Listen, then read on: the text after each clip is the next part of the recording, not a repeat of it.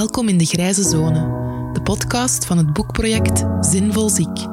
Ik ben Lin, ik ben een jonge dertiger, ik ben een mama, ik ben chronisch ziek, ik ben ongelooflijk nieuwsgierig en daarom ben ik op zoek naar manieren om ziek en zinvol weer dichter bij elkaar te brengen. Ik ben op zoek naar het speelveld tussen zwart, zielig ziek in een hoekje en wit, zo gezegd ongelooflijk zinvol tegen 200 per uur meehollen in de redrace. Ik zoek de grijze zone. En om alle vragen die ik heb te beantwoorden, ga ik in dialoog met heel uiteenlopende stemmen uit ons sociaal weefsel. Wie precies? Daarvoor moet je hier maar regelmatig eens komen luisteren. Dat ga ik nog niet verklappen. Heel veel luisterplezier. Vandaag mag ik Riede Ridder verwelkomen in de Grijze Zone. Hij is een expert op vlak van gezondheid en schreef het boek Goed Ziek, een hele kritische kijk op onze gezondheidszorg. Welkom. Uh, vooraleer ik in de vragen duik, doe ik altijd een experimentje met de podcastgasten. Ik ben benieuwd, ja. ja. Wat zijn de eerste drie woorden die in u opkomen bij het begrip ziek? Um, zorg. Um, verzorgd worden en herstel. Oké, en als je hetzelfde doet bij het begrip zinvol? Um, verwachtingen, um, levensdoelen, um, uh, solidariteit. Hm, mooi. En als je die, als je die twee... In... Moet wel even over nadenken. Ja, ja. Als je die twee in één adem zegt, zinvol ziek, welke associaties krijg je dan? Um, ja, dan krijg je um, uh, levensloop. Um, ja, ik denk aan, aan uh, hol, uh, holisme. Dus dan, heel, maar ook, je bent altijd, je bent nooit alleen ziek. Of je mag nooit alleen ziek zijn. Hm, je bent meer dan je ziekte. Ja, ja oké. En heb jij langdurige ziekte al van heel dichtbij gezien of ervaren? Um, nou, uh, in, in, uh, ja, je zit natuurlijk in, in familiale context. Heb je, heb je, ik heb bijvoorbeeld een schoonbroer die ook chronisch ziek is en, en geen perspectief heeft op, op herstel bijvoorbeeld. ja, je ouders hadden verschillende chronische ziekten over lange perioden met met momenten van heel intense medische zorg en andere momenten van hoe, ja, hoe moet je daarmee omgaan en af, aan afhankelijk worden en ja, verlies en, en, en, niet willen afhankelijk worden en, enzovoort. Ja. Oké. En hoe zou je het huidige beleid omschrijven? Ja, dat is een zeer, zeer brede vraag. We hebben um, uh, uh, het boek dat ik geschreven heb gaat over de zorg. Ja. En um, er zijn toch heel wat vaststellingen. Dus eh, de ondertitel van het boek is Hoe kunnen we een veel betere gezondheidszorg maken? Dus dat wil zeggen, mijn uitgangspunt is dat ik niet zeer tevreden ben. Of dat we eh, oproepen om niet te ver te gaan in de tevredenheid over ons systeem. Want dat is wat meestal gebeurt. Want ze zeggen, oké, het, is, het, is, het, is, slecht. En het is niet slecht. Uh, en er zitten heel, heel wat goede zaken in, maar dan stel je toch vast dat er een aantal zaken zijn die niet helemaal kloppen. Hmm. En um, die, je ziet toch wel een toenemend bewustzijn dat we met dit systeem niet goed voorbereid zijn op de toekomst. Mm toekomst waar dat, ja, dankzij de vooruitgang en, en, eh, dat we toch wel ook heel wat mensen gaan hebben die langere periodes waar ze op een of andere manier eh, of geleidelijk aan meer en meer zorg gaan nodig hebben. Dus, um, en daar zijn we niet goed op voorbereid, omdat we weten dat we Um, zoals we nu draaien, we zitten met, met, met toch een stuk overproductie in de zorg. Zorg die niet echt iets toevoegt, maar die wel energie opslorpt. Mensen zijn die in de zorg werken zitten worden ook veel geconfronteerd met burn-out bijvoorbeeld, met, met overbelasting, haken af.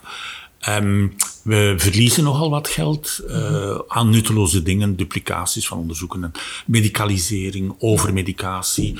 Uh, opnames die eigenlijk niks te maken hebben met een medische urgentie, maar uh, met het ontbreken van oplossingen mm -hmm. voor mensen die eenzaam zijn en dergelijke. Dus we hebben toch wel een aantal problemen en er zijn grote gaten in onze zorg. Ja. Geestelijke gezondheidszorg, zeker mm -hmm. naar, naar, jongeren toe bijvoorbeeld. Preventie ontbreekt een ander. Um, wij zitten ook met palliatie bijvoorbeeld, het, het, het, einde leven, die, die zeer medisch wordt ingevuld. Dus er zijn toch wel een hele reeks elementen, dat is de analyse die ik dan maak uh, in eerste instantie. En de invalshoek, zei, het zijn, eigenlijk vier invalshoeken die ik gebruik. Um, ik ga dadelijk uitleggen waarom dat, dat ook belangrijk is. Maar dit is van, uh, krijgen wij eigenlijk vanuit die gezondheidszorg, um, die ja, ongeveer 10% van onze welvaart gaat absorberen in, in, uitgaven, maar ook in tijd en energie, krijgen we daar nu genoeg gezondheid uit? Um, en dan is het antwoord, nou, we zouden er eigenlijk wel meer kunnen uh, uitkrijgen. mensen worden um, uh, worden te snel afhankelijk van medische zorg, mm. gaan um, uh, een stuk autonomie verliezen en dat doet afbreuk aan hun gezondheid. Of uh, je hebt ook fenomeen van, van zorg die te veel gaat pamperen, te veel gaat, gaat toedekken. Eén. Um, twee, um, uh, de ervaring die mensen hebben over de kwaliteit van zorg kan best heel wat beter. Hè. Dus dat zijn, ik, zie, ik zie jou bevestigend knikken, ja. dus uh, die heb je zelf gehad. Absoluut. Drie is dus die stress die op, uh, op het zorgpersoneel zit. En dan wil ik een kanttekening maken. Het gaat niet alleen over mensen die te werk gesteld zijn in de zorg. Het gaat over iedereen die met zorg bezig is. Ja, en, en zorgen in de samenleving. Heel veel mensen zijn dagdagelijks bezig met zorgen. informele zorg noemen we dat, mantelzorg. Mm. Is bijvoorbeeld qua, qua arbeidsuren, qua tijd die besteed wordt nog veel belangrijker dan de uren die al, al die professionals in de zorg besteden. En dus daar is, ja, daar is ook onvoldoende aandacht voor, hoe zwaar dat, dat is en hoe mhm. belastend. Ja, en dan de vierde is natuurlijk het kostenplaatje en, en, en toch wel de vaststelling dat, uh, nu is er toch wel vrij algemene consensus dat uh, ja, zeker 20% van wat we uitgeven, en het gaat over miljarden, um, ja, nutteloos besteed is. En dat is, ik noem dat verlies aan waarde. Mm. Uh, ik verlies dat, ja, je bent bezig met dingen te doen die, die, die, die, die niemand vooruit helpen, maar die wel veel energie opslorpen, angst creëren en dergelijke, waar je geld aan besteedt, terwijl je andere dingen hebt die niet, niet niet, beschikbaar zijn, terwijl daar een schreeuwende nood is. En dus mm -hmm. de geestelijke gezondheidszorg is daar echt wel een, uh, okay. een sprekend voorbeeld van. En, en dan benoemt dat die vier samen, benoemt dat mm. quadruple aim, namelijk dat we eigenlijk op die vier vlakken zou moeten de ambitie hebben om daar beter te gaan doen. En dat is de boodschap van mijn boek, hoe ja. we dat kunnen aanpakken. Ja, je pleit voor een, een vernieuwende aanpak, een ja. transformatie naar persoons- en buurtgerichte geïntegreerde zorg. Kan je dit in mensentaal kaderen voor de luisteraar? Ja, um, de, dus de vaststelling is eigenlijk dat uh, de zorg nu enorm versnipperd is geraakt. Hè. Er zijn heel veel mensen mee, mee bezig. En uh, als, als, als je nu ja, enkele chronische aandoeningen hebt, wat, wat de situaties van heel veel mensen, um, dan, dan is zo'n beetje het gemiddelde, uh, dan krijg je met 17 verschillende mensen, professionals, diensten, instanties te maken. Ja, dat is enorm. En dan moet je maar een keer een verhaal, hè, dus, dus het hele verhaal is van, wie maakt dan de synthese van, van hoe krijg je dan één geheel waarin dat je niet verloren loopt? En dus een van de belangrijke antwoorden is, dat is omdat de zorg zeer, zeer abstract geworden is, zeer afstandelijk is geworden. En dus als je zorg dicht bij mensen terug kan brengen en mensen daarbij betrekken, en dan hebben we het over mensen in de buurt, uh, niet alleen de patiënt, niet alleen de patiënt en zijn familie, maar eigenlijk ja, die zorg terugplaatst in de samenleving. Dat is eigenlijk de kern van de boodschap. Uh, want dat, dat is wat vandaag enorm verloren gaat. Dat is, dat is de, de, de, de, de mechanisering, de, de de, de, ja, de institutionalisering van de zorg, eh, die niet meer goed in connectie is met wat nu werkelijk de noden zijn van mensen. Hmm. Wat is belangrijk? Waar, waar moet je tijd op inzetten? Wie heeft echt veel tijd nodig? En wie heeft eigenlijk gewoon het steuntje nodig van te helpen? Van, voilà, ik, ik, heb, ik heb de, de hefbomen om mijn leven te organiseren en ik heb daar ook de ruimte voor hmm. om dat te doen. Dat is verloren gegaan. En dus dat naar de buurt terugbrengen, en eigenlijk op dat niveau, dus, dus, dus op, niveau van, van, van 7, 8, 10.000 mensen, daar, ja, daar, daar zitten al direct zo'n zo'n zeker een 150 à 200 zorgprofessionals bijvoorbeeld zijn daar bezig. Apotheker, huisarts, uh, uh, maatschappelijk werker, noem maar op. Hè. Dus een hele reeks van mensen die, die eigenlijk rond die bevolking bezig zijn. En die vandaag het heel lastig hebben, die misschien wel zin hebben om samen te werken, maar daar niet het kader voor hebben. Hè. De informatie stroomt niet door, er zijn geen momenten dat men elkaar ontmoet. Men zit in heel verschillende werkcontexten en zo.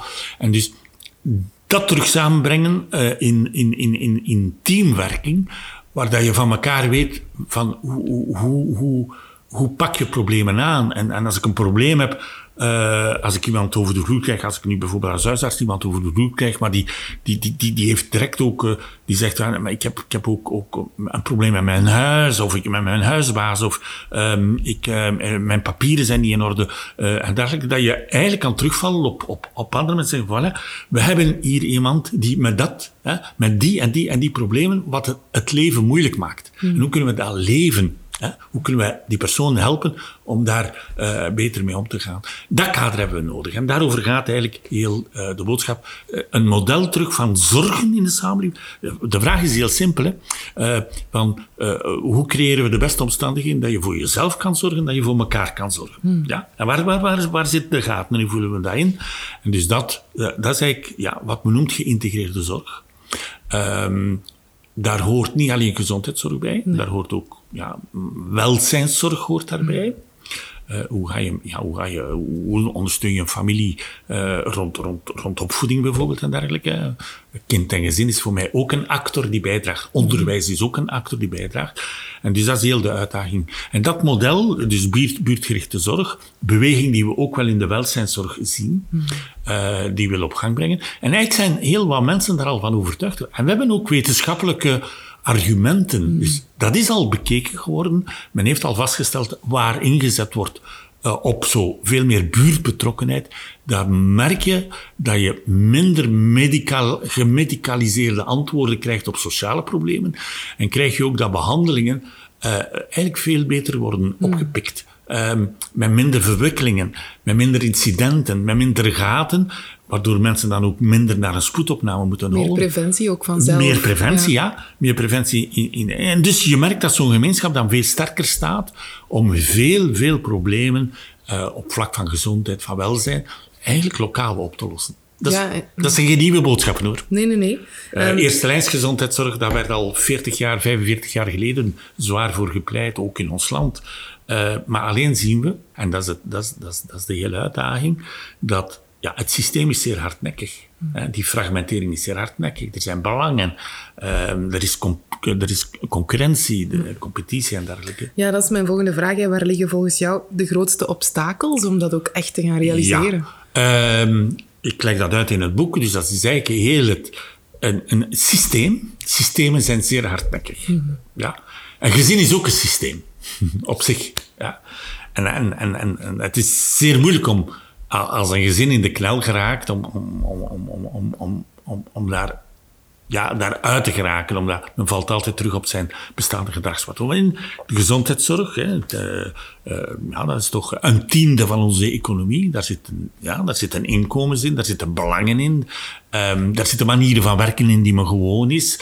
Uh, men voelt zich veilig in de manier waarop men werkt, maar sluit dan ook heel wat dingen af. Hè. Moeilijke vragen van uh, worden dan ook afgeweerd. Hè, ja, maar dat is, ik, kan dat niet oplossen, dat is voor iemand anders, zoek het uit, hè, dat, dat soort dingen. Um, dat veranderen vraagt heel veel, ja, eigenlijk ook wel engagement en betrokkenheid en bereidheid om zijn grenzen Allee, om, over de muren die, die, die rond iedereen zijn omgebouwd, van die te doorbreken. Dat is niet gemakkelijk. Ja, het gaat ook over organisaties. Hè. Uh, ja, je, hebt ook grote organisaties. Een ziekenhuis is een grote organisatie. Uh, daar gaat veel geld in om. Daar, daar, daar staan machines. Machines moeten renderen en dergelijke. Daar, werken, ja, daar werken mensen die, die ja, ook wel ja, een financiële positie hebben, die een status hebben en dergelijke meer. Dus een systeem is zeer moeilijk om te veranderen. En um, eigenlijk weet, weten al heel veel mensen beseffen van het is niet de beste manier waarop we werken. We zouden moeten veranderen, maar verandering is moeilijk. Hmm. En dat is, dat is de grote uitdaging. Oké, en in ons systeem Waar zitten volgens jou de grote onrechtvaardigheden in het, qua gezondheidszorg? Hè? Ja, ja, ja, ja, ja, ja, ja. Een van, de, van de, de meest schreeuwende onrechtvaardigheden is de sociale ongelijkheid. Hè. Die, is, die neemt toe. Um, ja, op vlak...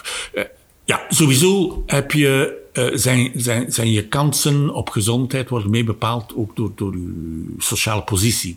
Scholingsgraad, uh, uh, positie op de arbeidsmarkt en dergelijke. Um, gezinnen waar, waar er niemand werkt, die geen inkomen hebben door werk, hebben ook veel meer gezondheidsproblemen bijvoorbeeld. Hey, dat, dat die factoren werken elkaar. Dus een, een, van de dingen die we zien is dat um, de, de, er heel wat gezinnen zijn die zorgen bijvoorbeeld moeten uitstellen, bijvoorbeeld om financiële redenen. Dat is enorm hoor, dat is zeer uitgesproken. De, in Brussel weten we dat 40% van de gezinnen die, die de, de, de 20%, dus de 20% van, dat is 1 op 5, hè, uh, gezinnen met dus de laagste inkomens, stellen zorg uit. Hmm. Omdat ze het geld niet hebben. Ja, of om, omdat ze ook niet toegang hebben, niet, uh, bijvoorbeeld omdat de kloof te groot is, om, uh, om, om, omdat ze zich niet kunnen uitdrukken en dergelijke. Dat is onvoorstelbaar toch in, een, in, in zo'n rijke samenleving als wij zijn. Ja, 40% van de gezinnen in Brussel, uh, van die armste categorie, alles samen, over de totale Brusselse bevolking, één op de vier gezinnen moet zorg uitstellen in de loop van jaar. Dat kan je je eigenlijk niet, niet echt voorstellen. Maar mensen denken, oké, okay, ik heb een probleem. Enfin, ik stap naar de spoedopname. Niet dat dat het meest optimaal direct is. Of ik ga naar mijn huisarts. En ja, bij de huisarts uiteindelijk, ja, um, uh, dat, weten we dat de drempel laag ligt. Of ik ga naar een apotheker en vraag raad. Maar dat is dus wel een concrete realiteit voor één op de vier gezinnen in Brussel om zich de vraag te stellen, wat doe ik vandaag? Ga ik met mijn klein naar, eh, naar de tandarts bijvoorbeeld? Uh, of ga ik naar de Lidl? Mm. ja, dat, dat zijn de keuzes die mensen moeten maken. Die een impact hebben op die toegang tot zorg. Mm. Um, uh, en, en dus dat is, allee, ik vind dat toch wel echt een van de meest schreeuwende uitdagingen. Van waarom slagen we er niet in? En waarom laten wij zoveel gezinnen um, waar, ja, die het lastig hebben, ja, omdat, kinderen, omdat bijvoorbeeld kinderen echt in crisis zitten, hè, emotionele crisis, uh, uh, of, of, of te maken hebben met problematieken waar, ja, waar de ouders niet mee terecht kunnen, zoals, zoals autisme spectrum, stoornissen waar ze niet goed weten van waar moet ik naartoe. Waarom laten wij die kinderen toch in de kou? Ja, goede vraag. Maanden wachten. Hmm. Dat is de realiteit vandaag. En, um, dus we moeten, en dat is de reden dat, dat, dat mijn boodschap, eh, men heeft mij dat ook gezegd, ja, maar je vertelt ook het goede van het systeem niet. Nee, nee, maar dat is niet de boodschap. Er zijn vandaag zaken die we zeggen, eigenlijk mogen we dat niet aanvaarden. Nee. Ja.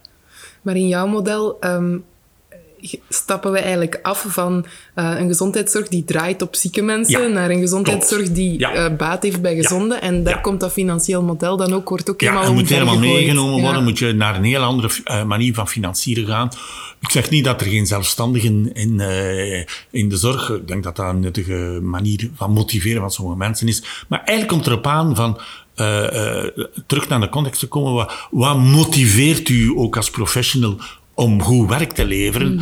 uh, dat het financiële daar weg moet gaan, dat, um, dat je ook zegt van, we, uh, iedereen zit in een kader waar hij zich goed bij voelt. En we weten dat dat bestaat en dat dat mogelijk is. Dat is gekend. En dat mensen ook zeer goede zorg gaan leveren als ze, in zo, als ze op een andere manier ook uitgedaagd worden van oké. Okay. En, en dat gaat eigenlijk over mensen centraal terugstellen. Mm. Ja? Maar waarom lukt dat nu vandaag zo moeilijk? Dat is omdat, waarom, waarom lukt dat zo moeilijk om een professional om, om eigenlijk helemaal te vertrekken van die totaal problematiek van mensen, waarmee dat ze zeggen van ik zit daarmee. Ik zit daar als persoon mee. Ik heb, ik heb, allez, ik heb pijn.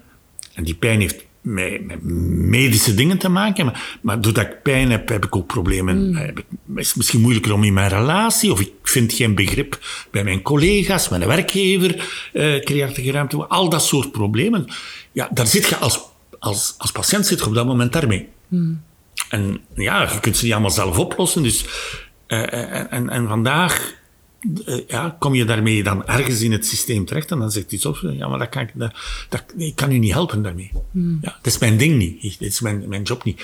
En dat is frustrerend. uiteraard voor diegene die ziek is, maar eigenlijk is dat ook zeer frustrerend voor die zorgverstrekker. Want Tuurlijk, kan, die voelt zich machteloos. Ja, die voelt zich machteloos, ja. Ik denk dat dat het goede woord is. Er zit veel machteloosheid in ons systeem. Machteloosheid die dan eigenlijk wat verborgen wordt in onderzoeken die gebeuren, op zoek gaan naar lichamelijke sporen van dat onwelzijn, waarvan eigenlijk ja, de professional weet van ik ga niks vinden. Want het verhaal is te duidelijk eh, anders. En, eh, maar het is uit machteloosheid.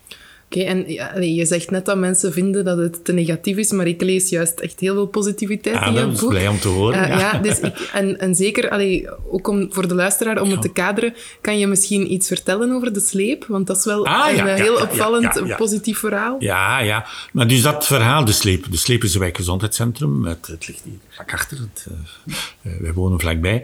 De Sleep is ehm, samen met een centrum in Alken het eerste wijkgezondheidscentrum. Dus eh, eigenlijk gestart als, ehm, ja, als een centrum van meet af aan de keuze. Ik Wanneer? Want het bestaat Oh, dat is in 76 gebeurd. dus we zijn eh 43 jaar, eh, 44 jaar bijna terug. Ehm, ehm, ja, toen gestart. Vanuit ja, studenten, ik was student geneeskunde, er waren anderen die geneeskunde studeren, maar ook wij, wij hadden eh, contact met mensen die verpleging studeren, maatschappelijk werk en dergelijke. Zo een beetje zo, hè, na de golf van de, eh, de grote contestatie van 68. Eh, ik ben in 69 aan de universiteit begonnen. Dan zo, ja, een nieuwe generatie van, van jonge mensen die de vraag stellen: ja, maar wat gaan, we, wat gaan we nu doen met ons leven? Wat gaan we doen met onze opleiding? Hè? Gaan we nu ehm, ja, ook, ook die, die dokter worden, hè? eh, die, die, die, die, in die hiërarchische positie staat van de dokter weet het allemaal en beslist en, en dergelijke. Ehm, of gaan we, en, en, en in een gezondheidszorg waar, ja, waar dat eh, nog altijd sprake was van eerloon. Het is een eer verzorgd te worden door een dokter. Is dat model dat we willen? Nee, dat wouden we natuurlijk niet. En dus dachten we na van hoe willen we het dan wel gaan doen. En dan is het idee gekomen van, van als wijkgezondheidscentrum, sterk gericht inderdaad op op lokale bevolking, op de wijkende bevolking, eh, met grote ideeën rond participatie en dergelijke. Dus ik zeg niet dat dat allemaal met, feest, allemaal met succes is gerealiseerd. Ik bespreek dat ook in dat boek hoor. Ehm, maar wel het idee van, van ja, maar we, gaan, we, we willen die muren doorbreken en we willen echt wel vertrekken vanuit noden van de bevolking. Dus eh, in 76, ja, dat is gewoon gestart. Je start een praktijk en je probeert eh, zo snel mogelijk zo verschillende mensen daar rond te mobiliseren. Dat is ook gelukt en dat is een, een hele beweging geworden. Dus er zijn nu toch zo'n kleine 200 eh wijkgezond, eh, wijkgezondheidscentra, een variant van wijkgezondheidscentra. Je hebt ook geneeskunde voor het volk bijvoorbeeld, die eh, een aantal praktijken heeft. Je hebt, je hebt er nu ook meer en meer huisartsen die zonder te zeggen van we zijn een wijkgezondheidscentrum, toch als groepspraktijk multidisciplinair gaan werken. Die, die psycholoog gaan werken, verpleegkundigen en dergelijke.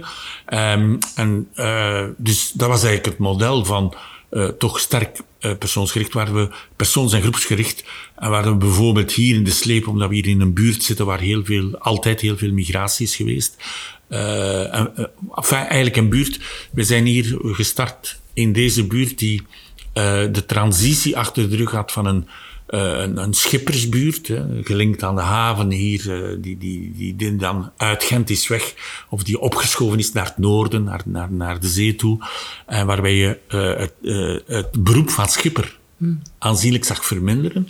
Ehm, en, en, en, en, en dat is ingevuld geraakt door dan migratie, dus, dus de textielarbeiders, die uit Turkije, Marokko en zo kwamen. En dus het was een, heel, eh, een buurt met heel veel migratie, eh, met, met heel veel eh, problemen op vlak van huisvesting, eh, kwaliteit van de woningen die zeer slecht was, verkeersveiligheid, ehm, eh, dat mensen ja, die dan in de fabrieken werkten met zware, zware belasting. Dus eh, ehm, eh, eh, problemen van, van eh, migranten die, die heel laag geschoold waren.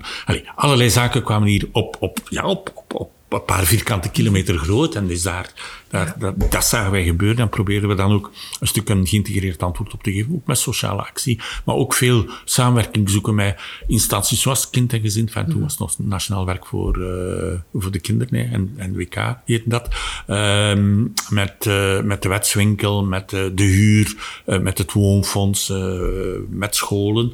Ehm, en, en eh, nieuwe modellen geprobeerd, zoals het inschakelen van ervaringsdeskundigen. En dat was dan bijvoorbeeld een, uh, een, een, een, een, Turkse vrouw die we, die we opleiding gaven om met zwangere vrouwen uh, te gaan. Centering pregnancy. Ja, ja eigenlijk. Mm. Zonder dat we die naam toen al kenden, maar mm al, al dat soort modellen uittesten.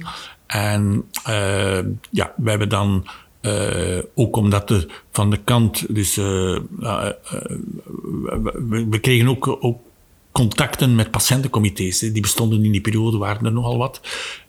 En geleidelijk aan is daar ook een beweging uit gegroeid. die ging ijveren voor een andere betalingsvorm in de zorg. En dat is dan de forfaitaire betaling mhm. geworden. Dus dat, daar hebben we ook heel sterk aan, aan getrokken.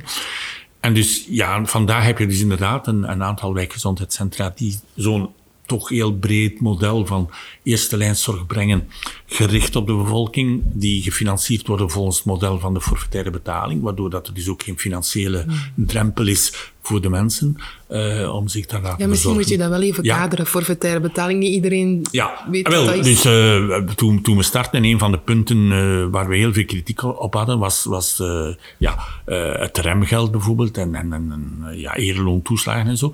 Dus wij kozen ook van meet af aan om geen remgeld te vragen aan de mensen. Maar uiteindelijk is het nog altijd een betaling per prestatie. Dus ieder contact vraag je mm. geld, ja. laat je je betalen.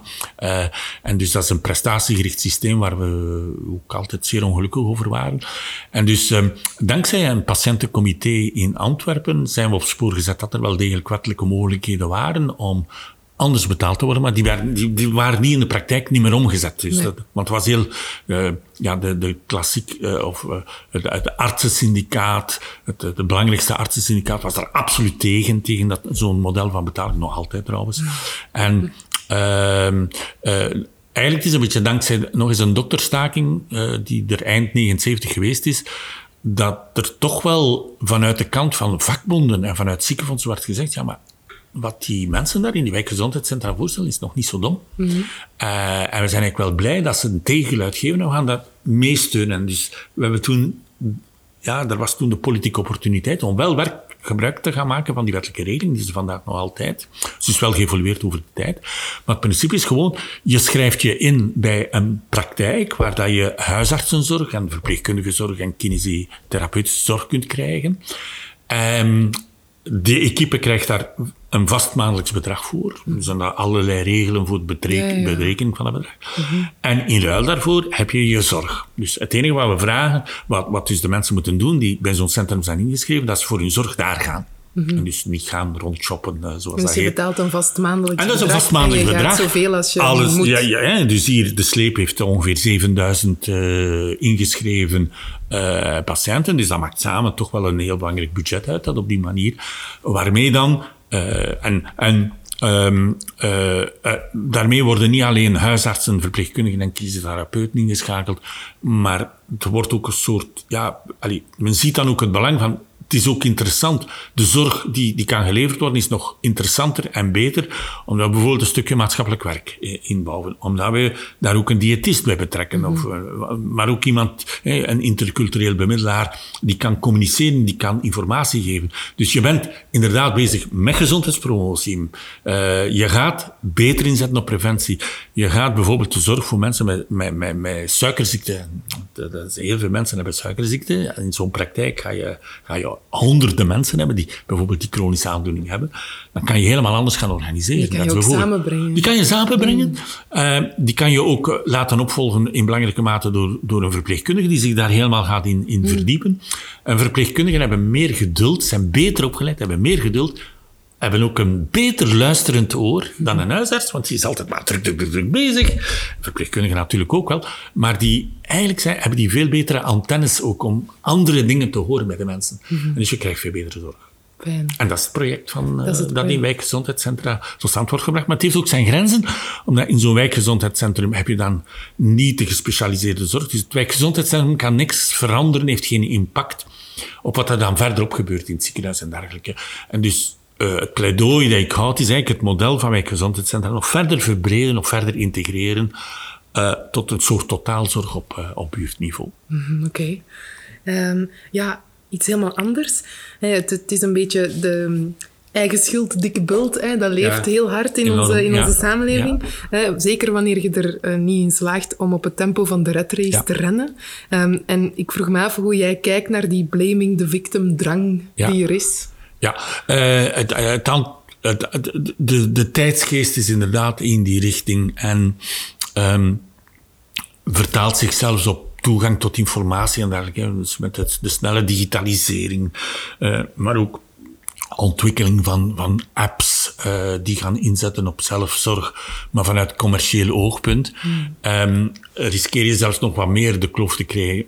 Dus er zit eh, er, zijn een aantal, er- zijn een aantal mensen bijvoorbeeld die vinden dat ja, als, jij, als jij rookt, eh, dan moet je maar zelf de consequentie dragen. En dat is helemaal niet het wereldbeeld dat, eh, dat, ik heb en dat ik belangrijk vind is van, ehm, of je nu rookt of niet, om te beginnen roken, als, roken is ook een rookverslaving.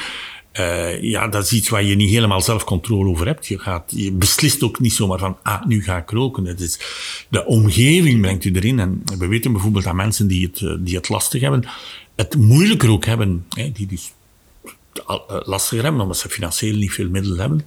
Het lastiger hebben om te stoppen met roken, om, om, om- omdat dat voor een stuk ook soms ja, een, een beetje een verdoving is in, in de rat race van het leven. Dat soort dingen. Dus het, het is... ey, je, je moet als samenleving zeer sterk inzetten, want roken op zich is natuurlijk geen, eh, geen goede... eh, allee, is, is niet gezondheidsbevorderend, is een gezondheidsrisico. Maar je moet eigenlijk als samenleving kunnen inzetten en maken dat, ja, dat, dat, dat, dat er niet wordt teruggegrepen naar, naar het roken, dat je, dat je alternatieven hebt in, het, in, in, in, in- in de buurt, in de samenleving enzovoort, die, dat, die een druk eh, wat gaan weg, wegnemen. Maar je moet de mensen niet afrekenen op hun gedrag. Als we dat gaan doen, zijn we helemaal, dan, dan ga je echt naar de, ja, de, de, de totale versnippering van de samenleving. Hè? Want, want ehm, eh, diegene die pech heeft gehad, die, eh, die niet de kansen in zijn leven heeft gehad eh, om, om, om, om, om, het juiste gedrag te ontwikkelen, ehm, ja, die is de peanut. Hè? En ik kan ik kan, kan me geen samenleving voorstellen dat die, gelukkig, dat die gelukkig zou kunnen zijn als je, als je eigenlijk iedereen gewoon individueel verantwoordelijk houdt. Ja, maar dat is wel wat er nu gebeurt. We zitten allemaal voor op een ons stuk is dat, eilandje. ja, dat is, dat is, dat is eh, eh, voor een stuk gebeurd. Hè. We, ja, nee, allee, we hebben nog altijd een, het sociale zekerheid die functioneert. eh, eh, onze gezondheidszorg uiteraard vangt heel wat problemen op. Eh, en we hebben gelukkig nog heel veel mensen die daar ook nog echt wel in geloven in het belang. Eh, maar als men blijft maar hameren op, ja, maar het is de individuele fout. En er zijn groepen in de samenleving die we gaan, die we gaan uitsluiten, bij wijze van spreken. En zeggen van, die, die, die, die, die, eh, die, die- daar moeten we niet solidair mee zijn. Of, het is, hè, of het nu is om hun eigen gedrag. Omwille van leeftijd. Ja? Er zijn ook wel mensen in de samenleving die vinden dat je eigenlijk niet meer, een keer dat mensen wat ouder worden, dat je daar eh, ja, niet te veel meer moet in investeren, want het is toch hopeloos. eh, ja, toch. Nou, dat- ja, we hebben het hier over 15% van de bevolking die daar zo over denkt. hè. Leeftijdsdifferentiatie. Ja, ja, veel belangrijker van in kinderen investeren dan, in- dan, dan in ouderen. Dus eh, eh, ja, eh, Ja, mm, inderdaad. Ja, ik, dat bestaat, dus dat leeft. Ja, hè. ja, ja. Gelukkig is dat nog niet majoritair, maar ik maak me inderdaad wel zorgen dat eh, als men blijft hameren op, die, op ja, de, de, eh, de verdiensten eigenlijk, jouw, jouw individuele verdiensten, creëert men een enorme je ongelijkheid. marktwaarde bijna. Ja, ja, maar iedereen heeft dezelfde kansen natuurlijk in het leven. Iedereen heeft dezelfde capaciteiten om dat te doen. Dan krijg je een zeer onrechtvaardige samenleving. Ja, klopt. Ja, ik ehm, denk helemaal op het einde van het boek wordt er gereflecteerd Ja. over wat je gedaan hebt. En ik vond, daar stond iets heel moois in, namelijk dat de kern van ons sociaal beleid eigenlijk zou moeten liggen op levenskwaliteit, op betekenis, op zinvol kunnen zijn. En dat, allee, hoe ik daar nu naar kijk en hoe ik zelf als pijnpatiënt het al ervaren heb, hè, dat door... ehm, door alles te willen optimaliseren, dat we alles aan het ontmenselijken zijn en dat we inderdaad juist die verbinding eh, in de weg staan. Dus ja, hoe, ehm, hoe, brengen we dat terug naar de essentie eigenlijk? Ja, dus het, antwoord dat ik geef is, is eigenlijk, ehm, wa- want waarover het hebben, het, is, het gaat over zorgen voor elkaar. Ja? Dus dat is een waarde. Hoe, hoe brengen we die waarde weer terug naar boven? Dat is voor een stukje die solidariteit. Dat, dat je dat valoriseert, dat je dat het toont dat belangrijk. En dat moet terug tastbaar, meer tastbaar zijn. En, en dat kan je alleen maar in, in de onmiddellijke omgeving. Dat tastbaar maken.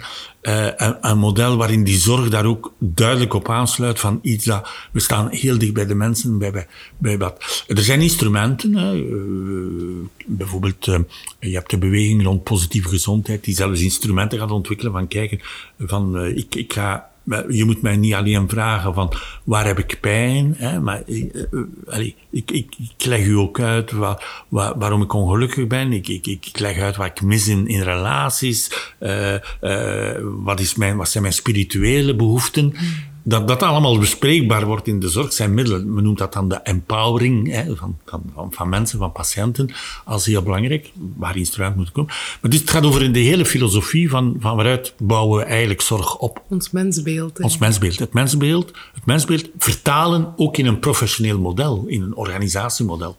En dus, ja, ik, ik doe een voorstel. Ik zeg van het uh, haal uh, haal dat weg van, van, haal dat zoveel mogelijk weg van centrale reguleringen. En, en het leuke is, iemand als een Inge Vervotte in het boek, die, die dus ook een kleine bijdrage heeft gedaan, zegt exact hetzelfde. Zegt ze, ja, we moeten op zoek gaan naar, naar veel meer flexibiliteit in, in, in de organisatie van onze samenleving, zodat je veel meer op maat van wat mensen nodig hebben kunt werken. Dus de buurt waar, waar, waar de zorg gebeurt, en dan eigenlijk een niveau dat niet, dus dat, laat zeggen, op iets 100.000 ongeveer, een stad uh, of enkele gemeenten samen, um, waar men dan eigenlijk zegt van, daar, daar, daar gaan we de coördinatie doen van waar zetten we op in, wie, wie werkt met, met, met wie samen, we zorgen dat informatie doorstroomt. Um, en dus dat je eigenlijk ja, terug heel de zorgorganisatie op, op een lokaal niveau gaat gaan brengen. En hoe met zie... financieel, met heel de financiële middelen die daarbij horen. En wat doet onze overheid dan? In zo'n Wel, verhaal? die moet eigenlijk zeggen van wat is nu belangrijk voor het geheel van de samenleving, wat willen we bereiken, um, bijvoorbeeld op vlak van gelijkheid in toegang tot zorg, wat willen we bereiken um, uh, in, uh, in kwaliteit van zorg, wat willen we bereiken, maar, maar dus veel meer op vlak van wat brengt het op voor de gezondheid van de bevolking? Wat zijn de resultaten die geboekt worden, of die moeten geboekt worden? Of waar willen we vooruitgang boeken op vlak van gezondheid? Um, bijvoorbeeld in termen van het, het, het, het, laten verminderen van vermijdbare hospitalisaties. Maar de verantwoordelijkheid van hoe doe je dat dan? Hoe doe je dat concreet? Dan moet je op lokaal niveau houden. -hmm. Dan moet je niet gaan opleggen van... Uh, Suzanne, uh, dus minder controleren en minder... Minder controlerend, ja. minder regulerend, maar tegelijk ook veel meer uh, responsabiliserend, maar met, met die flexibiliteit die er op, op lokaal niveau is.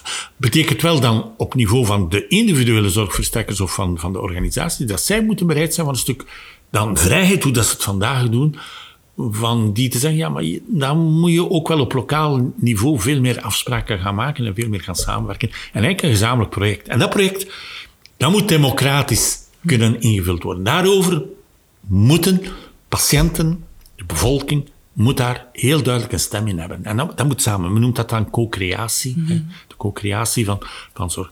Dit is, dit, het lijkt een droom, het lijkt een utopie, maar we weten, het wordt op een aantal plaatsen wordt dat wel degelijk gedaan. Mm -hmm. um, ik denk niet dat we in ons land echt veel... Allee, in ons land wordt er al geëxperimenteerd rond, dus daar heb ik mee ook uh, echt voor geijverd dat daar experimenten rond mogelijk zijn. Het gaat moeizaam, het lukt nog niet al te goed, maar er zijn wel landen, plaatsen, streken waar dat echt wel heel goed uh, ja. lukt. Uh, ja, waar dat echt helemaal verandert. Uh. Ja, je, je spreekt ook van, we hebben nood aan een burning platform ja. daarvoor, hè, dat mensen de, de zin in, inzien van zo'n omkanteling. En ik, ja, ik ben de voorbije weken al met heel veel mensen in dialoog gegaan en het, allee, ze zei, hoewel ze het iets anders invullen, lijkt het wel zo dat er toch veel mensen er bereid zijn. Ja. ja. bijvoorbeeld um, professor Lode Goderis, die spreekt dan van... Um, person-centered care, ja. wat dat naar mijn gevoel niet zoveel verschilt met... Nee, nee, nee, nee allee, of een, een Luc van Gorp van CM, ja. die dan een gezondheidsfonds wilt in plaats van een ziekenfonds. Dus dat, allee, ik denk dat heel veel belangrijke spelers toch wel op die lijn zitten. maar, maar uh, wat nog een stuk mankeert, is de, is, is, is de know-how voor de verandering. Hmm. Het model van de verandering. Dus ik leg een model op tafel van daar kun je naartoe gaan. En dan, dan zeg ik, en, en creëer daarvoor de nodige experimenteerruimte. En doe dat voldoende lang. En, ja. en, en, en, bouw daaraan. Dus je, dat is eigenlijk een project van, van 15 jaar, 20 jaar die je zou moeten uitbouwen. En dat is in ons land zo moeilijk. Ja, want dat wil ik nog vragen. Er lopen, zijn we nog niet. er lopen Ja, pilootprojecten. ja, ja, ja, ja, ja, ja, ja. Twaalf? Eh, Twaalf pilootprojecten in het kader van eh, een, een plan chronisch zieken dat eh, goedgekeurd is geworden door de interministeriële conferentie in 2015. Ehm, dus die pilootprojecten lopen. Maar om die pilootprojecten, om daar resultaat van te zien, er zijn nog een aantal voorwaarden nog niet goed ingevuld. Bijvoorbeeld, een heel belangrijke voorwaarde is een goed informatiesysteem. Ja, want informatie wist- kan zijn, dat is er nog niet. Maar dat is er niet. Je, je hoort er ook niks Ja. over, over Nee. de pilootprojecten. Nee, had ik nee. je boek niet gelezen, ik had Ja, het niet geweten. Inderdaad, dus kan, ja, eh, de, eh, je, je hebt ook eh, andere ontwikkelingen. Dus de, de, de eerste lijnzones die nu in Vlaanderen gecreëerd zijn, zouden een goede vertrekpuntbasis kunnen zijn om, om, om, om in de richting, zoals ik aangeef in het boek, te evolueren. Maar ze zijn op dit moment nog volop bezig met zich te structureren. Maar er moet een project komen. En daar gaat de politiek toch ook wel zich wat duidelijker moeten uitspreken. Wat een uitspraak op langere termijn. En eh, ja, we zien dat dat zo moeilijk is. Hè? Nee, je ziet dat voor klimaat, je ziet dat voor, ja, eh, voor eh, eh, eh, de omtuiling naar, naar ja, een, een mens, ja, mensgerichte sociale ongelijkheid bijvoorbeeld aanpakken. De, de, de grote projecten ont- ontbreken hè, vandaag. En, en dat is een moeilijkheid. Dat is een grote moeilijkheid. Maar het bewustzijn, Builing Platform, zie ik ook geleidelijk aan groeien, meer en meer groeien. Van, ja, we moeten inderdaad ook op, op, op niveau van, van ja, mensen die, die leaders zijn, hè, die leiders in, in samenleving, meer en meer. Maar ze hebben nog niet, de, de blauwdruk is er nog niet. Nee, oké. Ja, ik, ik hoop dat dat kan bijdragen voor een blauwdruk. Eh, er zijn ook nog wel andere eh, inzetten, denk ik, ook in on- ons land, die, die, die bestaan. En als je nog een persoonlijke boodschap mag meegeven aan de langdurig zieken, ehm, wat zou dat dan zijn? Ja. Ehm, ik denk dat, dat, dat, dat de boodschap is van, kijk, ehm, uiteraard eh, langdurig zieken hebben en met heel wat, eh, ja, persoonlijk natuurlijk ook heel wat eh, uitdagingen waar ze moeten mee omgaan. Maar ik, ik denk dat, dat het heel belangrijk is dat zij zeggen van, jullie hebben, jullie hebben echt wel recht jullie moeten centraal kunnen staan in de zorg. Jullie, jullie, hebben daar recht om, om, om gehoord te worden. Eh, eh, ijver, de, pak ook de rechten op die, die jullie hebben en, en verenig u en, en, en, en, en, manifesteer u op, op, op een of andere manier, want eh, je hebt daar gewoon, eh, gewoon recht toe. Het is een beetje moeilijk om te formuleren vanuit mijn positie, want ik zit zelf niet in die positie als, als chron- chronisch zieke. Maar, en ik weet dat chronisch zieken soms allee, da- daar ook niet altijd een boodschap hebben, omdat ze net zoveel problemen hebben. Maar voor een stuk... ehm, eh, Laat u horen eigenlijk. Laat u horen, ja, vind ik wel, wel, wel Ja. belangrijk. Laat u horen, en, en via, ja, via, via lotgenotencontact bijvoorbeeld, denk ik, is, is heel belangrijk.